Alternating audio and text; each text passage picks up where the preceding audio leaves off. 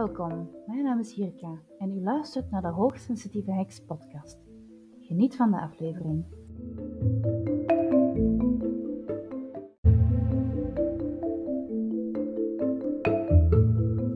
Disclaimer.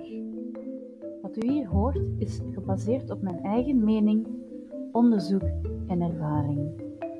Wat voor mij correct is, kan voor jou heel anders zijn.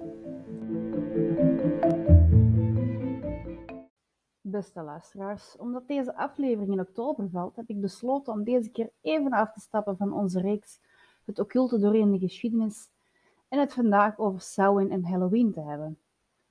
Halloween klinkt de meeste mensen waarschijnlijk wel bekend in de oren. Samhain echter niet zo. Laat ik even uitleggen waar het precies vandaan komt. Het hele idee van het vieren van deze feestdag komt oorspronkelijk van de oude Kelten. Samhain is het Keltische nieuwjaarsfeest dat begint aan de vooravond rond 31 oktober. Maar aangezien dat Kelten een maankalender gebruikten, loopt deze niet helemaal gelijk met de meer gebruikelijke lunisolaire kalender en varieert de absolute dag dus in deze laatste kalender. Men vierde de overgang van de zomerperiode naar het begin van de winter. Een belangrijk element was het vreugdevuur. Voor de Kelten begon alles vanuit het donker. Ze lieten hun dagen beginnen na zonsondergang. De winter begon bij hen met Samhain, tevens het begin van een nieuw jaar. Ook het Halloweenfeest, dat in zijn moderne vorm naar Europa is komen overwaaien vanuit de Verenigde Staten, is uiteindelijk te herleiden tot Samhain.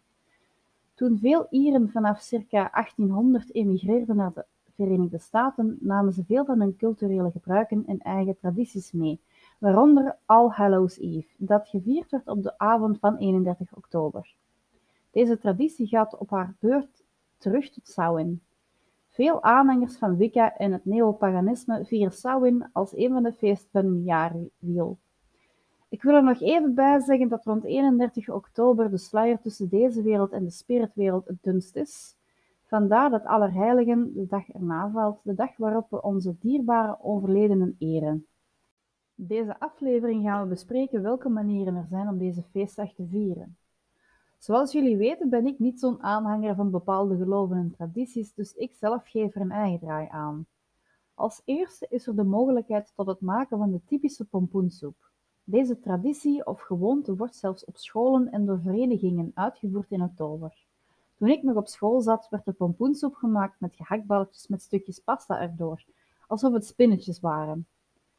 Voor pompoensoep zijn er talrijke recepten te vinden in kookboeken en zeker ook op het internet. Deze herfstsoep smaakt zeker als het een beetje kouder is, wat vaak rond deze periode wel het geval is. Om nog even te blijven hangen in de keuken, geef ik graag een paar groenten mee die in het herfstseizoen passen. Pompoen uiteraard, paddenstoelen, witlof, andijvie, boerenkool en pastinaak. Uiteraard zijn er nog andere groenten die het hele jaar door te verkrijgen zijn. Een volgend idee zijn recepten met appel en kaneel. Denk maar aan appeltaart of muffins. Ook zijn er rond deze periode veel producten te vinden met pumpkin spice kruiden, zoals de welbekende pumpkin spice latte bij Starbucks. Een goede wandeling door het bos maken is ook altijd een goed idee. Het kan rustgevend zijn om de geur van de herfst op te snuiven, jezelf te wijzen op de mooie kleur van de bladeren die van de bomen gevallen zijn en gewoon te genieten van de natuur. Wat ook een vrij traditionele bezigheid is, zijn films kijken die in de Halloween spirit zijn. Bijvoorbeeld Hocus Pocus, Practical Magic, maar ook de films van Harry Potter. Al kunnen die laatste in mijn ogen altijd wel ongeacht het seizoen gekeken worden. Een feestgeven wordt ook wel eens gedaan, al dan niet verkleed. Het kan gewoon een feest zijn waar je mensen uitnodigt om samen gezellig van een diner te genieten, maar er zijn rond deze periode ook behoorlijk veel fuiven. In mijn omgeving tenminste. Bij de herfst hoort helaas ook de keerzijde van de medaille. Door het minder warme weer en de zon die er minder doorkomt, hebben veel mensen last van de winterdip, ook wel seizoensgebonden depressie genoemd. Dit is een periode waarbij je in veel minder dingen zin hebt, je je prikkelbaarder voelt en minder energie hebt. De enige tip die ik kan geven is voedingssupplement vitamine D halen bij de apotheker.